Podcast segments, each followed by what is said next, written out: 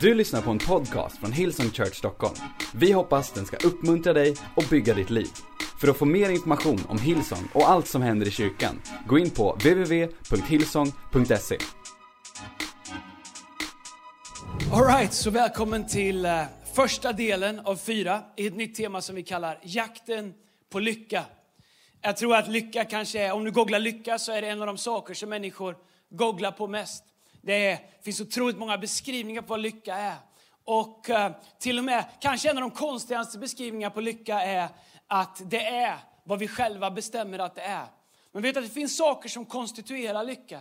Det finns saker som behöver finnas i våra liv för att vi ska vara lyckliga.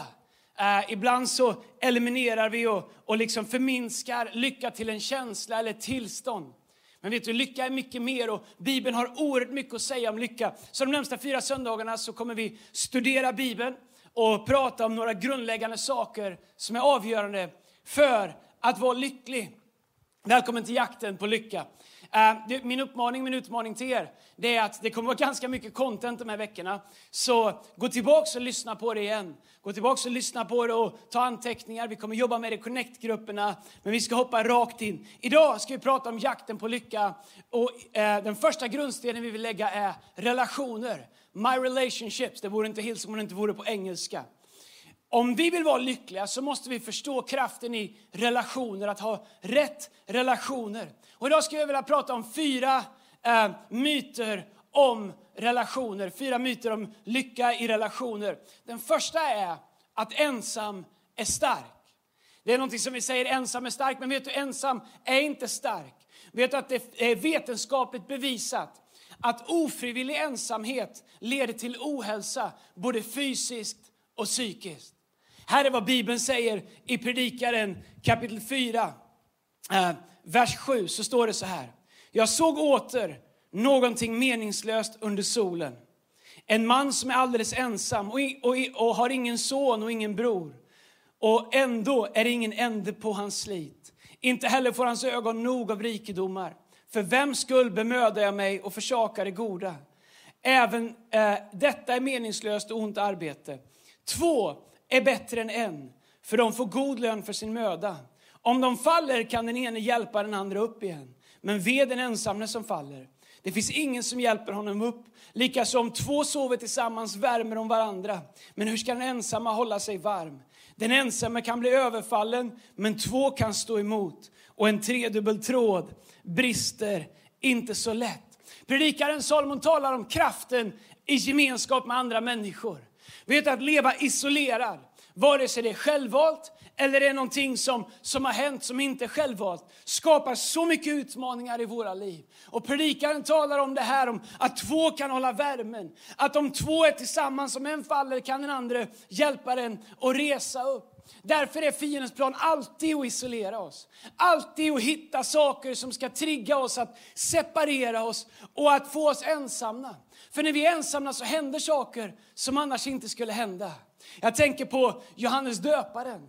Eh, I början på Jesu gärning, så, så när Jesus kommer, så säger Johannes döparen, se Guds lamm som borttager världens synd.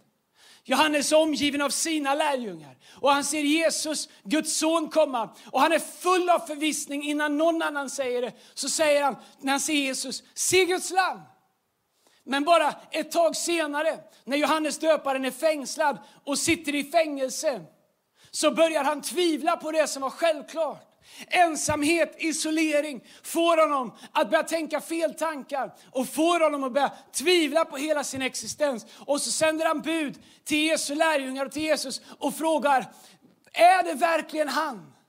Är Jesus verkligen den? Samma man som sa se Guds lam ifrågasätter nu hela sin existens, om han har gjort rätt, om Jesus är den han säger att han är. Ensamhet skapar så mycket negativa saker i våra liv. Vad är det som gör att vi är ensamma och varför drar vi oss undan? Några olika saker kan vara praktiska omständigheter, besvikelser som vi går igenom. Dåliga erfarenheter kan få oss att självskydda och själv liksom separera oss från att behöva uppleva det igen. Kanske fördömelse och skam, kanske rädsla för att bli avvisad gör att vi väljer att leva ensamma istället för i relation. Vad säger Bibeln att vi borde göra istället? Och predikaren pratar om goda relationer som hjälper oss att inte falla av vägen. Har du vänner i ditt liv som du har sån relation med så att de känner att de kan säga till dig när du håller på att drifta av vägen. Vi borde alla ha vänner i vårt liv som älskar oss tillräckligt mycket för att se oss i ögonen med kärlek och till och med ibland riskera vänskapen genom att säga min vän, du är på väg och drifta av vägen. Predikaren skrev att en god vän fanns där så att du inte föll av vägen. Vem har du i ditt liv som hjälper dig att hålla din kurs? Vem har du i ditt liv som hjälper dig att nå det målet som Gud har kallat dig till? När det vinglar och när det känns utmanande, vem är då på din sida? Det andra som predikan talar om är goda relationer som hjälper oss att hålla värmen. En av de bästa sättet att få sitt hjärta kallt, det är att distansera sig. Det är att dra sig undan. Kanske är det en utmaning mer än någonsin, ett sånt här pandemiår som vi är i. Men vet du, ensamhet kommer alltid leda till att våra hjärtan blir kalla.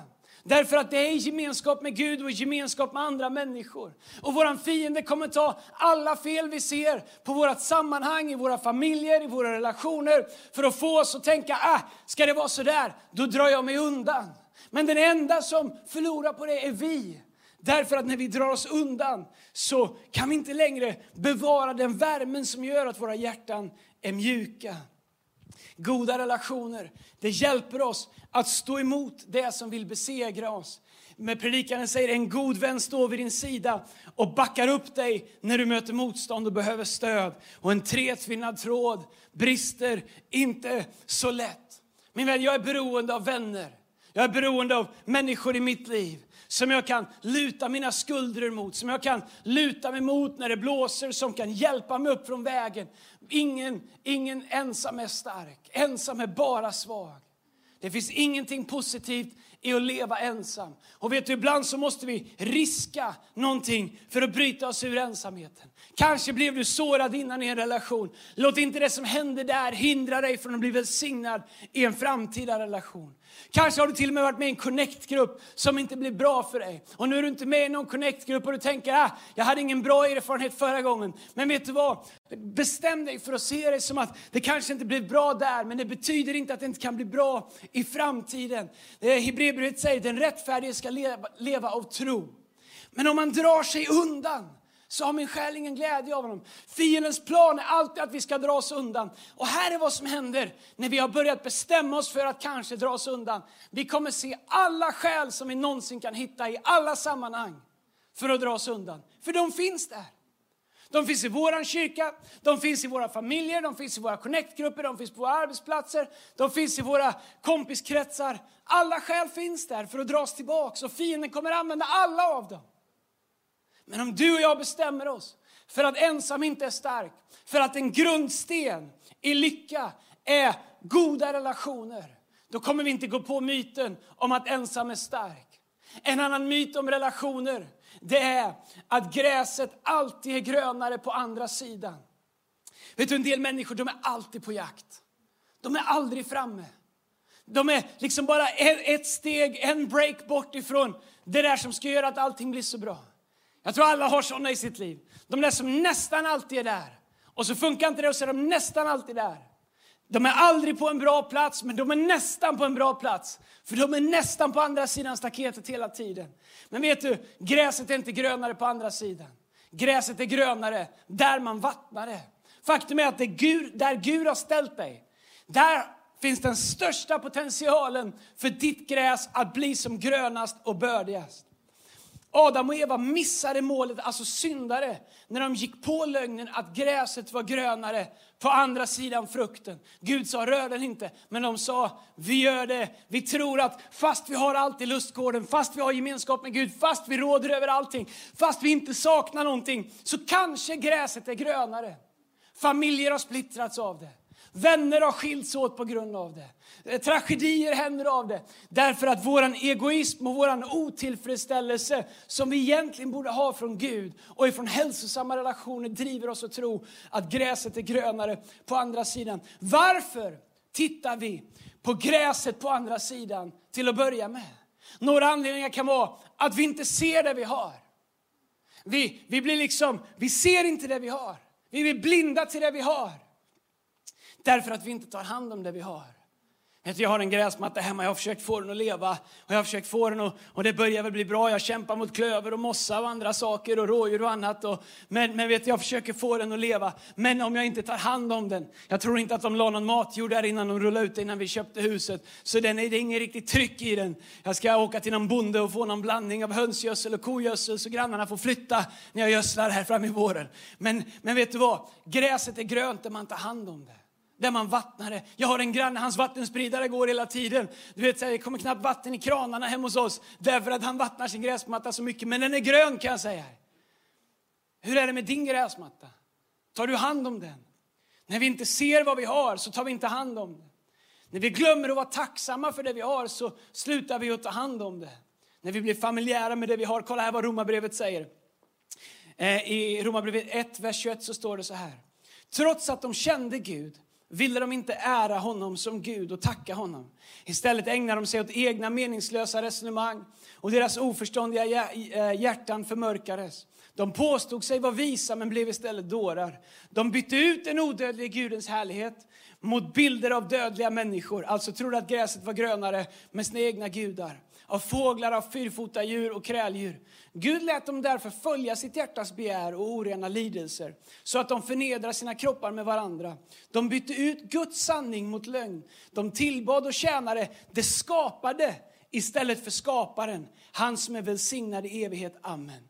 Du förstår, människan, vi har aldrig varit nöjda. Vi ser i öknen när Mose går upp och för att vara med Gud och han kommer tillbaka. samma människor som Gud har tagit ut ur slavdom, slaveriet.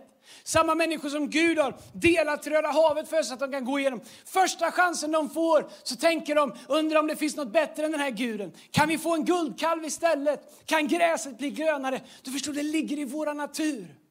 Att inte förstå vad det är vi har. Vad är det Bibeln säger att vi borde göra istället? Första Thessalonikerbrevet kapitel 5, vers 18 så står det. Och tacka Gud vad som än händer. Detta är nämligen Guds vilja i Kristus Jesus. Tacksamhet över det vi har leder till tillfredsställelse över det vi har. Så att vara tillfredsställd med det vi har handlar inte så mycket om hur mycket det är eller hur det är i relation till andra. Nej, det kommer ner till vår tacksamhet över det vi har. Har du någon gång fått någonting eller kunnat köpa någonting som du har längtat efter och sett fram emot och du var så glad när du köpte det.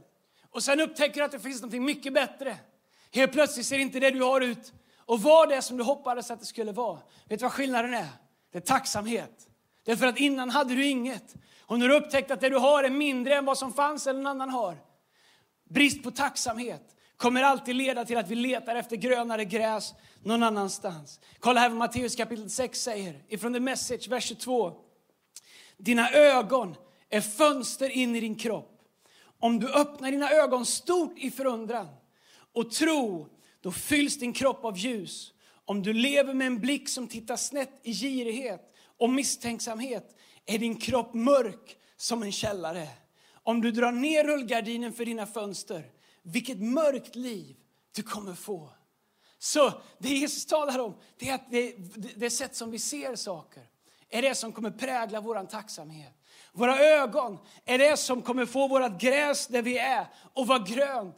Våra äktenskap, våra relationer, våra vänner, det vi bygger våra liv, den community som vi lever i. Tacksamheten över vår connect kommer få den att bli bättre än vad irritationerna kommer göra när vi ser fel i den.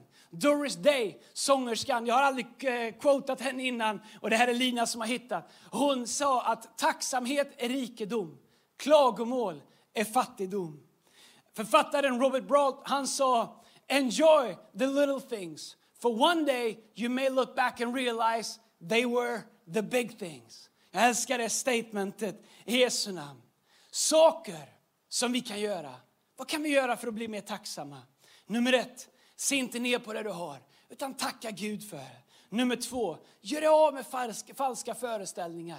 Att det är så mycket bättre på andra ställen. Att grannen har det så mycket bättre. Att det där jobbet som någon annan har skulle göra dig så mycket mer lycklig. Att det verkar vara så mycket bättre i den connect-gruppen. Vet du vad, gräset är inte grönare på andra sidan. Gräset är grönast där man gödslar det, där man vattnar det, där man tar hand om det, där man kör med mossrivan och där man bevarar det.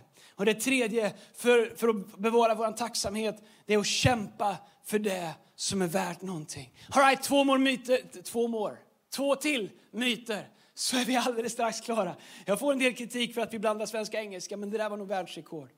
Två snabba myter till om relationer. Myt nummer tre, lyssna till ditt hjärta. Har du hört den en gång? Jag, jag, jag måste följa mitt hjärta. Har du vänner runt omkring dig som säger, vet du vad, om inte relationen känns bra i ditt hjärta, då ska du lämna den. Du är värd någonting som känns bra i ditt hjärta. Det måste kännas, om det känns rätt för dig, då är det rätt. Vet du vad, jag fattar vad de säger, men vet du vad det är? Det är, vilka ord får man säga här nu i kyrkan? Det är fel. Det är inte sant. Om jag skulle följa allt som är i mitt hjärta, då skulle mitt liv vara en kaos. Men vet du vems mer liv som skulle vara kaos? Min familjs liv, min connect liv, mina vänners liv, vår kyrkas liv. Varför är det så? Varför säger vi om det känns rätt för dig så är det rätt för dig? Det är inte sant.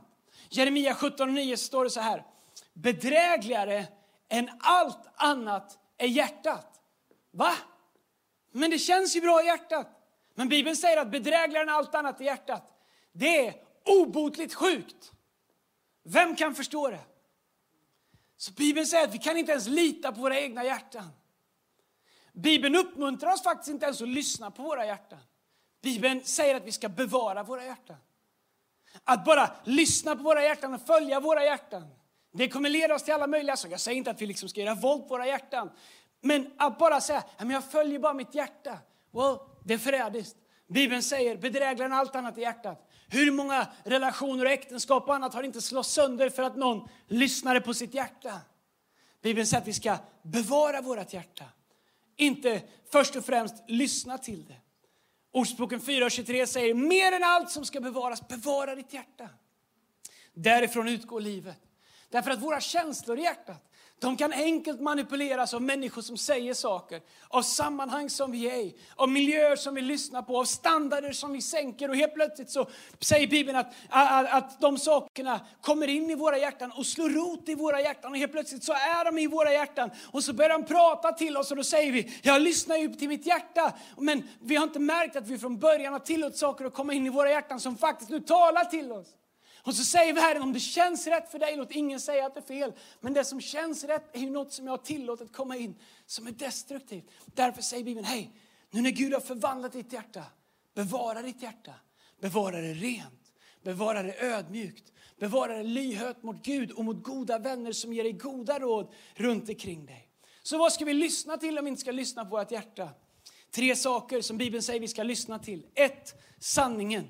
Första Timoteus kapitel 4, vers 3. Jag sa att det blir mycket content idag, så skriv och gå tillbaka och lyssna. Sanningen, Andra Timoteus kapitel 4, vers 3. Det kommer en tid då människor inte längre ska acceptera den sunda läran. Istället ska de samla människor omkring sig som bara undervisar sånt som de vill höra, som kliar dem i öronen. De ska vägra att lyssna till sanningen och vända sig till myter. Alltså, när vi väljer att lyssna på saker och ting som är destruktiva så kommer vi göra det till sanning och börja följa det utifrån våra hjärtan. Eh, så vi måste välja sanning. Till och med ibland faktiskt över känslor. Nummer två som vi ska lyssna till är vishet. Ordspråken 5, vers 1 så står det Var uppmärksam på min vishet min son och min dotter och lyssna till min insikt så att du bevarar din klokhet och låter kunskapen styra dina ord. Nummer tre som vi ska lyssna till är goda råd och förmaning. Ordspråken 8.33 säger lyssna till min förmaning och bli visa, förkasta den inte. Min vän, våra hjärtan, de är ibland förrädiska. Våra hjärtan kan leda oss så fel. Men vet du, Guds ord, Guds vishet, Guds principer, det är det som kommer bygga våra liv stabila så att vi kan bevara våra relationer. Jag har varit gift 18 eller 19 år. Nu blir jag tveksam när jag ska säga det så här fort. Eh, eh, det, det, är, det är länge i alla fall. Men vet du, det är inte alltid mitt hjärta som har lett mig där igen. När man varit gift så länge så har man säsonger som är upp och säsonger som är ner. Vi har haft barn som varit små, vi har haft alla möjliga saker. Men vet du vad? Jag och Lina har valt att bygga våra, våra liv, inte bara på vad är känslan jag känner nu? Jag måste ha rätt att följa min känsla jag känner nu. Nej, vilket förbund är vi? Vad har Gud sagt? Vad är vishet? Vad är kunskap? Vad är insikt? Vad är sanning? Och när vi gör det, när vi väljer att lyssna till Guds ord, så inser vi att det finns någonting mer än att lyssna till vårt hjärta vad det gäller relationer till andra människor och de relationer som vi bygger i våra liv. Den fjärde myten om relationer som jag vill slå hål på, det är jag får ta vad jag får. Vet du, det är så enkelt att leva våra liv. och tänka att det här är vad jag är värd. Kanske är du i en destruktiv relation. om den har varit destruktiv länge. Och du borde ha lämnat den för länge sedan. Det som händer är att den destruktiva relationen ockuperar platsen för en hälsosam relation. Men ibland när vi är i dåliga relationer, ibland när vi är i negativa relationer, ibland när vi sitter fast i olika saker, så sänker vi vårt värde ner till den relationen vi har. Och så tänker vi, jag har i alla fall den här, fast den är destruktiv. Kanske har du vänner runt omkring dig som trycker ner dig, som får dig att känna dig dålig. Människor som inte är som predikaren sa, som vi börjar läsa om. Någon som lyfter dig, någon som hjälper dig att hålla dig på vägen. Någon som värmer dig, någon som tar en fight för dig. Kanske har du vänner runt omkring dig som är destruktiva. Unga människor, vänner ni har på sociala medier, andra destruktiva. Men rädslan för att bli ensam får oss att nöja oss med vad vi har. Så när det kommer till relationer så tänker vi, jag får ta vad jag får. Vet du, det är inte Guds tanke för dig. Du behöver inte ta vad du får, därför att Bibeln har lovat att du kan få hälsosamma relationer. Men jag har upptäckt, ibland måste man avsluta en relation innan det finns plats för en ny relation. Ibland behöver vi säga nej till vissa relationer. Jag har människor i mitt liv som jag säger I love you, till och med kristna människor. Jag säger, jag älskar dig, vi ses i himlen, men tills dess, see you later. Du måste inte ha alla människor i ditt liv. Människor som är negativa, fulla av otro, talar illa om andra människor, fyller ditt hjärta med sånt som till slut kommer börja producera. Människor som inte ser Guds bästa i dig. Avundsjuka människor som håller dig ner för att, för att du ska krympa ner till den litenhet de själva känner. Nej, gå vidare ifrån det. Gud har bättre relationer för dig. Det finns större tankar för dig. Du måste hämta ditt värde ifrån Gud. Problemet med destruktiva relationer är att vi börjar hämta vårt värde ifrån det destruktiva i den relationen. Vägen därifrån det är att börja hämta vårt värde ifrån Gud. Vänta nu, vem säger Gud att jag är? Hur har Gud pratat om mig? Hur, hur säger Bibeln att Gud ser på mig? Och ju mer vi gör, ju mer inser vi att den här relationen jag är det är inte vad Gud har sagt att jag är. Men om du hämtar ditt värde ifrån Gud kommer du se något annat. Det du tror att du förtjänar är det du kommer leta efter i en relation. Hör vad jag säger, det du tror att du förtjänar. Vare sig du har kommit dit, vare sig, oavsett vad du har varit med om, det du tror att du förtjänar är det du kommer leta efter i din relation. Så om du behöver bättre relationer, då måste du ändra på, låta Gud ändra på vad du tror att du förtjänar. Min vän, Gud tycker att du är värd att ha en relation med. Gud tycker att du förtjänar det bästa. Hur vet jag det? Jo, därför att en dag så var Gud i himlen och han såg dig eh, innan du var född. Och han såg de som levde och han såg de som skulle komma. Han var separerad ifrån oss när vi levde i synd efter att Adam och Eva hade gått sin egen väg. Men Gud sa, jag står inte ut med att vara separerad med mänskligheten. Gud sa, jag vill ha relation med mänskligheten. Och det sätt som Gud gjorde det var att Gud kom till oss genom Jesus Kristus. Och han sa, vet du vad? Människor, ni är värda så mycket som individer, var och en utav er. Du är värd så mycket. Så Gud sa till Jesus, Jesus du får ta deras plats. Du får dö i deras ställe. Jesus, du får gå till jorden. Du får ta deras synd, du får ta deras fel, du får ta deras överträdelser, du får ta deras sjukdomar. Och så sände Gud sin son er hit att för våran skull dö för våra synder, uppstå igen så att Gud kan ha relation med oss. Gud tycker att du är så värd att han gav dig sin son. För det var enda sättet för honom att kunna ha relation med oss. För våran synd stod mellan oss och Gud. Så när en annan människa försöker tuta i dig att ditt värde är lägre än så, då är de en lögnare som går fiendens ärenden. Men när du inser vem Gud säger att du är, då inser du att det där är inte en relation jag behöver ha i mitt liv. För Gud har gett mig ett annat värde. Jag låter inte mina unga döttrar få köra min bil. Den är för dyr. Om jag hade haft en gammal 240 kunde de fått åka runt och krocka. Eller får de inte för sig. Men förstår du?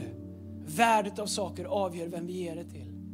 Om du ser på dig själv och tycker att ditt värde är lågt, då kommer du ge bort dig till relationer, till vänner, till eh, relationer, sexuella relationer, vänskapsrelationer, sammanhangsrelationer.